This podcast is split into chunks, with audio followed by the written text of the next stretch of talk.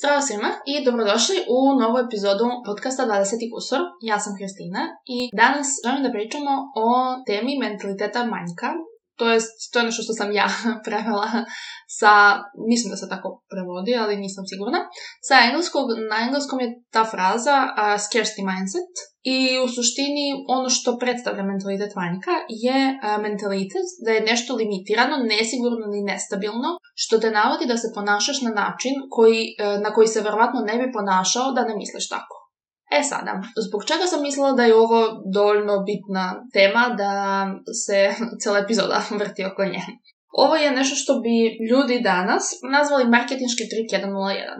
U smislu, to je ono čime se naš dragi kapitalizam i konzumerizam koristi da kupimo apsolutno 90% stvari koje kupujemo, tako što je limited edition, tako što je na popustu, koji je ograničen popust, tako što je out of stock, a nije out of stock, nego samo to stave, napišu da bi to bilo da bi se ljudi prosto zabrinuli da je out of stock i da ga kupe.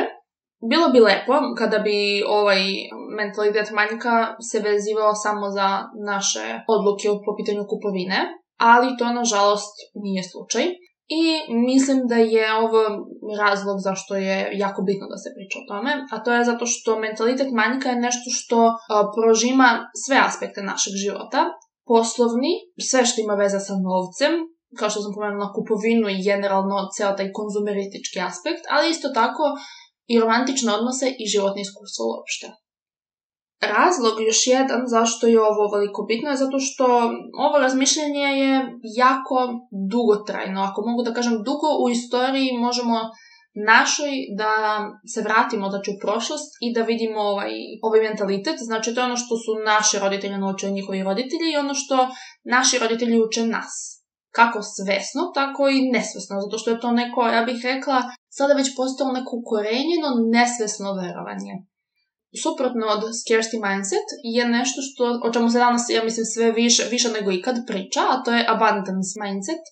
To je mentalitet izobilja to je nešto što e, čime ja pokušavam svesno od, rekla bih možda pre dve godine da se vodim. Pre, prvo nisam znala da je to to, ali onda kada sam, e, znate ono kada uočite, kada razmišljate o nečemu i postajete svesni nečega i onda vidite, scrollujete ili gledate neki video, scrollete Instagram i samo vidite nešto i budete kao, aha, to se tako zove. To se meni desilo sa Abundance Mindset. I želim da otvorim ovu priču, to jest da detaljnije razradim kako funkcioniše zapravo mentalitet vanjka, tako što ću da koristim primjer koji je možda ovako jako specifičan, ali ja mislim jako bitan za naše prostore, a to je narativ na našim prostorima koji se ženama prodaje u vezi udaje. To je da dođu do toga da budu zahvalne što su se udale za muškarca koji definitivno je ispod svake razumne granice bilo kakvih kriterijuma za takvu jednu ženu. I mislim da je ovo jedna od češćih zamki koje u našem društvu postoje i definitivno spada u jednu od najvažnijih odluka, ta odluka udaje, realno, koju u životu tako da možemo da zamislimo da ako mm, funkcioniše mentalitet manjka na udaj, onda kako tek funkcioniše na nekim mikroodlukama kao što je kupovanje pantalona ili ne znam, kupovanje kuće na nekim makroodlukama. E sada, ja sam ovo podelila nekih pet koraka, ali sada to je nešto što sam ja nekako u svojoj glavi zamislila, neko bi ga možda drugačije onako raspodelio, ali ovo je kako ja gledam na to. Prvo, prvi aspekt mentaliteta manjka jeste stvoriti osjećaj limitiranosti vremena. Mislim da je ovo najveći, ili definitivno najveći za žene na našim prostorima. Klasičan primjer ovoga je naš biološki sat koji otkucava. Dakle, ako hoćeš da imaš decu, ti imaš određeni rok do kada je moguće da ih rodiš, što je biološki poprilično tačno. Nešto čega smo mi svesni, nešto što ja smatram da svakoj ženi koja želi da ima decu ili misli da želi da ima decu, znači nije ni da je sigurna skroz, to je nešto što im u glavi otkucava, ako tako mogu da kažem.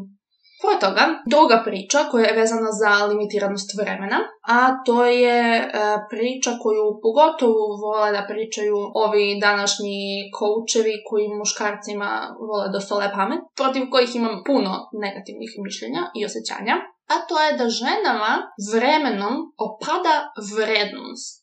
Šta sad hoću ovim da kažem? Ovo je znači, oh, meni je grozno samo kada razmišljam o ovome. Ali to je veliki, veliko mišljenje da što je žena starija, to je teže da će da nađe partnera, zato što stariji muškarci mogu da nađu mlade žene. I prosto da stariji muškarci, kako je žena se starija kada uđe u 30. godine, neće te niko hteti, ko će... Mislim, to su jako zadrta razmišljenja, ali su zabrinjavajuće često i dalje.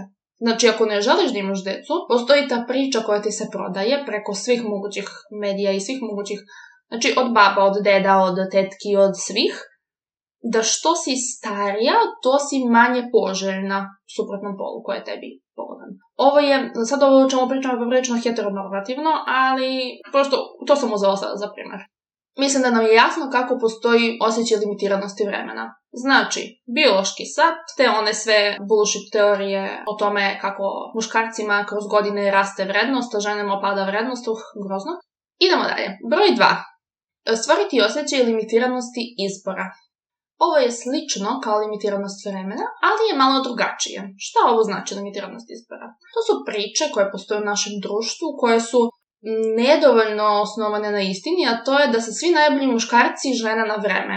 Da žene pokupe sve muškarce koji valjaju i onda da ostanu samo oni koji su katastrofa. Sada jako diskutabilno, ali to u 20. godinama nije toliki problem. Mislim, ono, početkom 20-ih ništa uopšte ono, ko se, ko se ženi jako redko. Ali kad već ulazite u 28, 29, 30, 32, 33, mnogo mladih žena, stvarno čujem, pominju taj argument to da su se mnogi već oženili, ali zaboravljamo da se ljudi sve više razvode sad, ali dobro, to je druga tema. Znate, ove, ove dve stvari su nekako povezane, ali opet kako ističe vreme, znači limitiranost vremena, tako se smanji i izbor. Znači nije samo da tebe više neće hteti, što je neka limitiranost vremena, nego ti nećeš imati od koga da izabereš više. Znači, ovi što su i ole kasvetni, kako vreme prolazi, sve i njih manje. To je poenta. Samo želim, znači sada dok sam stala ovdje na pola, da kažem da ne želim da pričam kako ovo razmišljanje koje posljedice zapravo ima na naše društvo, na to da se ovo se koristi kao dozvoljavanje muškarcima da ne rade na sebi i da budu katastrofe. Lažu nula truda zato što se sav fokus stavlja na žene, to je skroz druga tema, ali sada sam ovo uzela samo kao primjer zato što je ovo i dalje dominantno razmišljanje kod roditelja, a objasnit ću zašto je to bitno. To je bitno zbog treće stavke, a to je repetitivnost poruke i stvaranje spoljašnjeg pritiska. Šta ovo znači? Svi, svi, svi, na svakoj proslovi na koju odeš, tebi ponavljaju da treba da nađeš nekoga, da ti ističe vreme i da ti je vreme za sljedeći korak. To apsolutno ima veze sa ova dva, ali ovo treći dodatni korak, a to je da ti iznova i iznova čuješ poruke da je vreme, da ti ističe vreme, da nećeš da imaš dovoljno izbora, da su svi počeli da se žene. Kako ćeš ti nekoga da nađeš? Pa još ne ti bože da kažeš da imaš neke standarde, pa da misliš da nađeš tog nekog koji odgovara tvojim standardima, kad će da ostanu samo oni što će da budu do kraja života neženje. Prosto to je sljedeći korak, znači repetitivnost poruke i stvaranje spolješnjeg pritiska. Sljedeći korak je samostalno stvaranje unutrašnjeg pritiska pred najzgled konfirmacijom prethodnih poruka. Što sada ovo znači? Samostalno stvaranje unutrašnjeg pritiska je nešto što bih ja nazvala internalizovanje spoljašnjeg pritiska. Ti počinješ pred naizgled konfirmacijom. Znači, kada ti u 30. godinama dejtuješ i dejtuješ i dejtuješ i dejtuješ. Ne mora u 30. možda da bude ja, ja sada počinjem da, imam neke od ovih ne ovakvih poruka, ali sam svesna ove činjenice da ima jako malo kvalitetnih momaka na, na izvolte, ako tako mogu da kažem činjenica je da postoji ta konfirmacija, a to je da nema osobe koja tebi odgovara. I ti izađeš sa jednim, ne valja, s drugim, ne valja, s trećim, ne odgovara, s četvrtim, s petim, s desetim, u vezi tri mjeseca, u vezi pet mjeseci. Neće i tvoje vreme ističe. Izbori su sve manji i manji. Ljudi ti iznova iznova sve više i više pričaju kako prolazi vreme. I ti počinješ da internalizuješ pa možda su ovi ljudi koji su stariji i iskusniji od mene, što oni znaju nešto, prošli su i oni znaju bolje. Diskutabilno. I samim tim se stvara taj unutrašnji pritisak, internalizuju se ta vjerovanja i stvara se taj mentalitet manjka. Kuku, nema nikoga. Kuku, ja ću da ostanem sama. Kuku, ja nikada neću da nađem muža. Nikada neću da osnovim porodicu, neću moći da bude majka. To su realni problemi i realni strahovi ja sam sad uzela jedan primjer koji je jako e, za nas i dalje možda u početku mladim 20 godinama, ja imam znači 22 godine sam napunila, ne 23 godine sam napunila, da, toliko o tome, 23 godine sam napunila, znači za mene je ovo strah koji je dalek, ali sam ja kao sestra, kao osoba koja ima sestru koja ima 29 godina i u jako bliskom kontaktu s ovim strahom i jako sam ga svesna. Tako da je to nešto o čemu ja razmišljam. I o drugim faktorima, ali to ćemo drugi put. To je četvrti korak ove zamke ovog mentaliteta manjka. Internalizovali smo da zapravo postoji manjak, znači što pre mora da se nađe neko, inače je kraj. Peti korak, oni koji nas dotuče, je osjećaj najlaska dovoljno dobre prilike i njeno prihvatanje oberučke. Konačno si našao nekog ko nije katastrofa, ko ole valja. Pa onda razmisliš, pa možda ovo jeste čovjek za mene. I ti ne da razmisliš, što je još gore, ti sebe ubediš Evo ga čovjek za mene. To je to. Ja ne mogu, ja imam 33 godine i ja hoću da imam djecu, znači ja njim treba da se zabavljam godinu dana, pa onda dok se verimo, pa ajde, možda treba da, znači, nećemo baš odna, ja ne bi da budem trudna kad se venčavam, znači to su dve godine već da prođu dok se vi venčate, pa dok zatrudneš jednom, to su već, ako vam da računam, 35 godine, znači to je za jedno dete 35 godina. A da je drugo dete, možda hoću dve to je toliki pritisak koji si ti sebi internalizovao i to je potpuno realistično i to je potpuno razumljivo da, da ti osjećaš taj strah koji osjećaš. I ti sebe ubediš, to je to. To je dovoljno dobra prilika za mene. A možda zapravo nije. možda jeste. Daj Bože da jeste. Ali šta ako nije? Šta ako si ti prosto se za to prvo što je naišlo iz straha?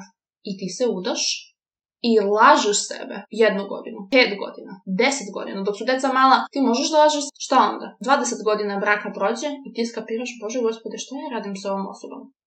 sad sam otišla malo predaleko, ali mislim da sam dobro dočarala šta se nalazi u osnovi ovog mentaliteta. A to je strah.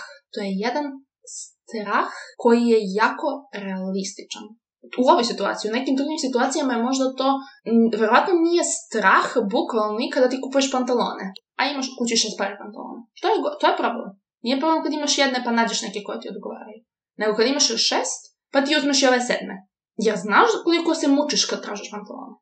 Ali da se vratim. Moje pitanje je da li zaista želimo da naš život i naše najbitnije odluke, znači u redu trošanje para, mislim nije u redu, ali to su male stvari koje se naravno pretvore u neke veće. Ali kada shvatimo da se ovaj mentalitet manjka nalazi u nekim našim najbitnijim odlukama, da li želimo da budemo vođeni strahom i da naše najbitnije životne odluke koje utiču na ceo naš život zapravo shvatimo da su bile vođene strahom? Ja mislim da ne. Ja to ne želim. Tako da dolazimo do pitanja kako se oterasiti mentaliteta manjka. Prva stvar koju bih ja rekla da treba da se radi, a to je da se radi na razbijanju nesigurnosti kojom se hrani taj strah koji stoji iza tog mentaliteta. Evo, sada kada razmišljamo o traženju partnera, vratit ću se na to zato što mislim da je to jako bitna tema o kojoj, kada sam je već navela kao primjer, hoću da je navedem kao primjer kako se otrasiti tog mentaliteta u toj situaciji. Koje su to nesigurnosti koje nalazi se tog straha? Ja ću da kažem, najveća nesigurnost je da treba da se ostane sam. Šta ću ja ako nikad ne nađem nego? To je jako realistično pitanje i to je nešto što verujem da puno ljudi, ja također, imaju tu nesigurnost za sebe. Pa onda se za to zalepi kako je moguće da su svi našli nekoga da ja nisam našao nekoga. Da li ja nisam dovoljno vredan da sam našao, da ne mogu da nađem nekoga. Zašto je neko drugi bolji od mene, a on ima partnera, on se venčao, ona se, ne znam, udala, ima dvoje dece, ja nisam mogla da nađem nikog za sebe. To su realistične nesigurnosti koje imaju duboke korijene. Sljedeće što treba da pitamo sebe je kada ne iđemo na tu priliku. Ako već nismo krenuli od nesigurnosti, ali treba da krenemo na vreme.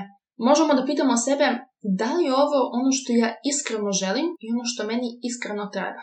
Ovo možda deluje malo kao čudno pitanje. Mislim, ono, u trenutku problematično je zato što ako to sebe pitate u trenutku kada vam ne iđe prilika i vi ste već ušli u tu mašinu koja vas ne pušta, ono, dala baba, kako ide ono priča, dala baba a, dinar da uđe u kolo, pa sad hoće pet da izađe iz kola, ali ne može. E, tako nešto ide.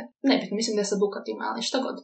Jako je teško u trenutku, kada ste vi u tom trenutku gdje se javlja taj problem, da vi nađete rešenje za taj problem, da vi, da vi budete iskreni. Ako do sada nisi bio iskren sa sobom, u trenutku kada treba da doneseš odluku, tek nećeš da budeš iskren.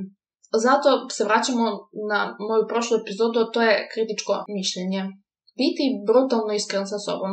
Pre nego što je vreme da treba da se donese odluka. Da znaš šta je to što ti želiš. A opet se vraćam na ono što sam prethodno rekla. Ne možeš da znaš šta je to što želiš i šta je to što ti treba, dok prvo ne odučiš sebe koja je to tvoja nesigurnost koja te tera nešto da biraš. Znači, kada ne dolaziš iz pozicije nesigurnosti, nego dolaziš iz pozicije sigurnosti. I ovo je e, vjerojatno jedna od najtežih stvari koju čovjek uradi u svom životu, definitivno nije nešto što će da se desi odmah, da se razumemo. Ja mogu da kažem da sam ja osoba koja je... Ja sam baš onako e, mnogo kinjim sebe i onda sam ja već došla do ovog shvatanja, tako da sam ja kinjila sebe po pitanju mojih nesigurnosti. Ne preporučujem da ljudi to rade i to je ono što ja se trudim da ne radim, ali sam radila, to je činjenica. I ja sam došla do tih nesigurnosti, ja sam bila brutalno iskrena sa sobom. I ja sam rekla, znači, treba da se pomirim sa tim, da ja možda nikad neću da nađem čoveka sa kojim želim da provedem svoj život, a ja želim tog nekog. I onda je tu prosto, to je nešto što treba osvestiti. I treba puno snagi da ti staneš i da kažeš sebi, čekaj, ja mogu bolje i ja najbitnije zaslužujem bolje od ovoga što mi se prezentuje treba da imaš dovoljno vere u sebe i u svoju vrednost da ti kažeš ovo nije dovoljno dobro za mene. Ali onda kada ti to kažeš, sledi pitanje šta onda? Kada ti uočiš izvore svog straha, svojih nesigurnosti, kada ti skapiraš koje su tvoje iskrene želje i potrebe, šta je sljedeći korak? Moje mišljenje je da je sljedeći korak šta treba da uradiš i da promeniš u svom životu da bi ti taj strah eliminisao i da bi se pripremio za dobijanje i prihvatanje onoga što iskreno želiš i šta ti treba. Ali to nije sve, kako kaže ona reklama. Ali to nije sve. Treba da se pripremiš šta ako ne dobiješ to što želiš i to što ti treba. Šta onda? Šta ako nikad nećeš da dobiješ?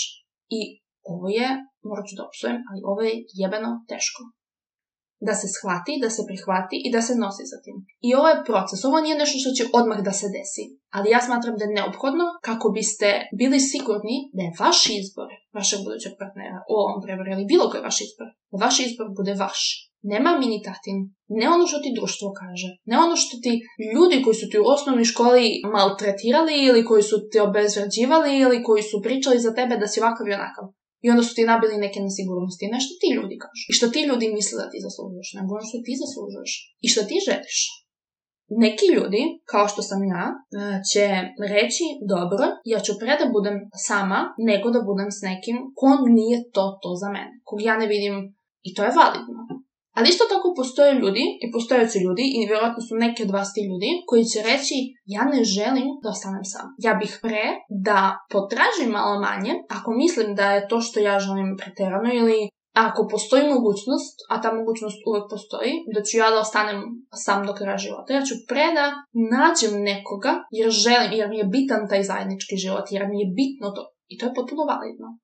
I to je potpuno validno da vi uh, odlučite da ste spremni da prihvatite manje i da ste, ćete do kraja života da budete svesni da ste prihvatili manje nego što možda zaslužujete po cenu toga nečeg većeg. Postoje ljudi koji, će, koji su spremni na to po cenu toga da imaju porodicu, po cenu toga da se ostvare kao roditelji. Ali ako niste prošli kroz ovaj proces i vi kažete meni je bitnije da ja budem u zajednici s nekim, vi to niste osvestili. Ako ti to sad misliš, a nisi prethodno mislio o tome, to je default koji je tebe naučilo društvo sedi, uradi rad. Znači, razmisli koje su tvoje nesigurnosti iza tvoga mišljenja. Razmisli što je to što ti stvarno želiš, šta je to što ti treba, kakav si ti, šta tražiš, šta možeš da promeniš, da eliminišaš taj strah. To može prosto da bude da ti se više posvetiš sebi, da ti ideš na više dejtova, da ti upoznaješ sve više ljudi. ne mora da bude isklju... nije to međusobno isključivo. Ne moraš ti, ako se posvetiš sebi, da se ne posvetiš traženju partnera. Možda neko odluči da prosto kaže ja ću da pustim, ako mi je suđeno da nađem nekoga, ja ću da nađem nekoga. Znači, taj ko mi ne iđe, pa ću njega. To je potpuno u redu. I ako ti stvarno veroš da postoji tamo neko za tebe i da taj neko treba da ti dođe, to je potpuno u redu. Ali nije, mislim, nije u redu. Ne želim to da kažem, ne želim da zvuči ovo kao da ja nekoga osuđujem po tvoje odluke, po tvoj život. Nije dobro da polaziš iz mesta straha. Straha o nekom mogućem ishodu ili nedostatku mogućeg ishoda. To je to. To je, to je mentalitet manjka. Strah od nedostatka poželjnog ishoda. Šta ako nema nekog? Šta ako to sutra neće da bude tu za mene?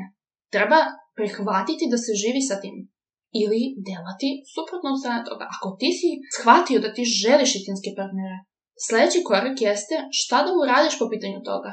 Da izlaziš na više dejtova, da upoznaješ više ljudi, da daješ prilike drugim ljudima, da ideš na psihoterapiju. Može da bude mnogo stvari. Nije, do, nije dovoljno samo da ti shvatiš da, da imaš strah. Treba da radiš na njemu. I ovaj proces, ovo je nešto što će da traje vjerovatno ja mislim da je ovo celoživotni proces. Znači, kada nađeš nekoga, postoje drugi stvari na kojima se radi, ali mentalitet manjka je zaista kao crv koji onako izjedate iznutra. I samo onako truli iznutra. I ti od spolja misliš, možeš da misliš da je to tvoja, to je tvoja odluka, ali šta je misao iza te odluke? Šta je mentalitet iza te odluke? Da li je iza te odluke strah ili iza te odluke nada i sigurnost i vera? To je bitno. Vera, može da bude vera u univerzum. To je u redu. Da ti veruješ u Boga, da ti veruješ da, da si ti zaslužio i da ćeš ti to da dobiješ. Isto kao što može da bude vera u sebe, da ti znaš da ti zaslužuješ, da iza odluke postoji sigurnost, a ne nesigurnost. To je to za ovu epizodu. Nadam se da sam, da sam malo vas navela da razmišljate o ovome. Nadam se da će vam biti korisno. Ako ništa drugo, makar da čujete neče tuđe mišljenje, pa možete i da ga osporavate, znači da ga ne podržavate. Ako vas je ovo inspirisalo i ako vas je navelo na razmišljanje, zaista bih voljela da to podijelite sa mnom, meni bi puno značilo, tako što ćete dostaviti komentar ispod epizode, tako što ćete me kontaktirate preko društvenih mreža, sve linkove ću dostaviti ispod. To je sve. Do sljedeće epizode. Čujemo se.